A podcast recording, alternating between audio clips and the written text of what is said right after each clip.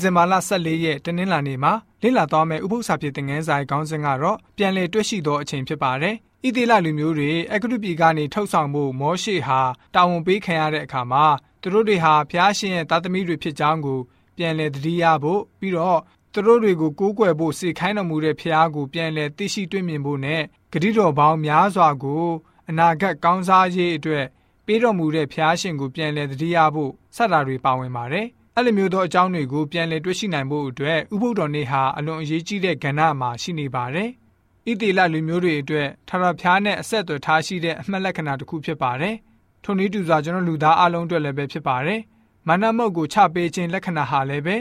ဣတိလလူမျိုးတွေကိုပညာပေးတဲ့သင်ခန်းစာပဲဖြစ်ပါတယ်။အဲ့ဒီအကြောင်းအရာကိုတော့ထွမြောက်ကျမ်းခန်းကြီး16အငယ်14အနေနဲ့29မှာတွေ့နိုင်ပါတယ်။ဣတိလလူမျိုးတွေအတွက်ဖျားရှင်ဟာမာနမုတ်ကိုချပေးပြီးတော့ နမိတ်လက္ခဏာကို ပြသခဲ့ပါတယ်။နေ့စဉ်နေ့စဉ်လုံလောက်တဲ့အစာကို ပေးတော်မူခဲ့ပါတယ်။တရက်စာထက်ပိုပြီးတော့ပေးမယ်ဆိုခဲ့လို့ရှိရင်ဣသေလလူတွေဟာအစာကို ပြင်ဆင်ပေးတဲ့သူကို မေ့ကောင်းမေ့သွားနိုင်ပါတယ်။ဒီအတွက်ကြောင့်နေ့စဉ်တရက်တစ်ကြိမ်မှန်မှန်နမိတ်လက္ခဏာကိုပြသပေးခဲ့ပါတယ်။ဒီလိုနဲ့ဖျားရှင်ရဲ့ဂရုစိုက်တော်မူခြင်းကိုအမှတ်ရစေပါတယ်။ဥပုံနေ့ရောက်လာတဲ့အခါမှာအချင်းနေဟာပြောင်းလဲသွားပြန်ပါတယ်။အဲ့ဒီနေ့ကိုအထူးနေ့အဖြစ်ဖျားရှင်သတ်မှတ်ပါတယ်။ နမိတ်လက္ခဏာနှစ်မျိုးကိုဖျားရှင်ပြသပါတယ်။တောက်ကြနေ့မှာမနမုတ်နှစ်ဆပို့ပြီးတော့ခြာပေးပါတယ်။အဲ့ဒီမနမုတ်ဟာလည်းပဲမပုတ်မတိုးတာရှည်ခံတာတွေ့ရပါတယ်။ဥပုံနေ့မှာအဲ့လိုမျိုးသောနမိတ်လက္ခဏာကြောင့်ဣတိလလူတွေဟာသူတို့တွေကိုကယ်နှုတ်ခဲ့တဲ့ဖျားရှင်ကိုပြန်လည်တွေ့မြင်ပြီးတော့သူတို့တွေဟာထော်တော်ဖျားရဲ့လူမျိုးတွေလို့ပြန်လည်ပြီးတော့သတိရစေပါတယ်။အဲ့ဒီမနမုတ်ကိုဣတိလတွေနှစ်ပေါင်း40တတိုင်စားခဲ့ရပါတယ်။အဲ့ဒီမနမုတ်တအောမဲကို တီးသက်အမှတ်တရထားပြီးတော့ဣသေလလူမျိုးတွေတောတဲ့လှက်လက်ခဲ့ရတဲ့အကြောင်းသတိရစေဖို့မောရှိကိုဖျားသခင်အမိန့်ပေးခဲ့ပါတယ်။ဥပုံနေ့ရောက်တိုင်းမနမုတ်ရဲ့ထူးခြားတဲ့ဝိသေသလက္ခဏာအကြောင်းကိုပြန်ပြီးတော့အမှတ်ရစေဖို့လည်းပဲဖြစ်ပါတယ်။အခြားသောအကြောင်းအရာတွေဟာလည်းပဲဥပုတော်နေ့နဲ့သက်ဆိုင်တဲ့ဣသေလလူတွေမင်းမြနိုင်တဲ့အကြောင်းအရာများစွာရှိပါတယ်။ဥပုတော်နေ့ဟာဖျားသခင်ကနေဣသေလလူမျိုးကို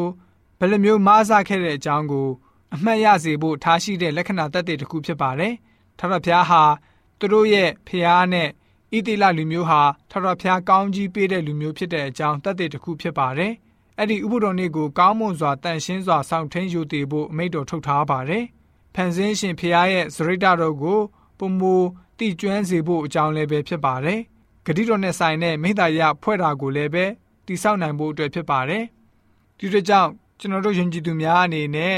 ဥပုံနေ့ဟာပြင်းရီပွဲကောင်းတယ်လို့ခံယူထားတဲ့စေကျော်သက်သားသမီးတွေနဲ့စကားပြောတဲ့အခါမှာဆိုလို့ရှိရင်ဥပုံနေ့ကိုတန်ရှင်းစွာထားတာဟာဆိုလို့ရှိရင်ကျမ်းစာအရာဖြစ်တယ်ဖျားရှင်အလိုတော်လည်းဖြစ်တယ်ပြီးတဲ့အခါမှာဥပုံနေ့ဟာဆိုလို့ရှိရင်ဖျားရှင်ကောင်းကြီးပေးတဲ့နေ့ဖြစ်တယ်ပြီးတော့ဥပုတော်နေ့ကိုတန်ရှင်းယူသေးစွာဆောင်ထိန်ဖို့လိုအပ်တယ်ဆိုတာကိုအမြဲတမ်းပြန်လည်ပြောပြညွှန်ကြားပဲ့ပြင်တဲ့ယုံကြည်သူတွေဖြစ်စေဖို့အတွက်တနင်္လာနေ့ဥပုသ္စာပြေသင်ခန်းစာကဖော်ပြထားပါတယ်။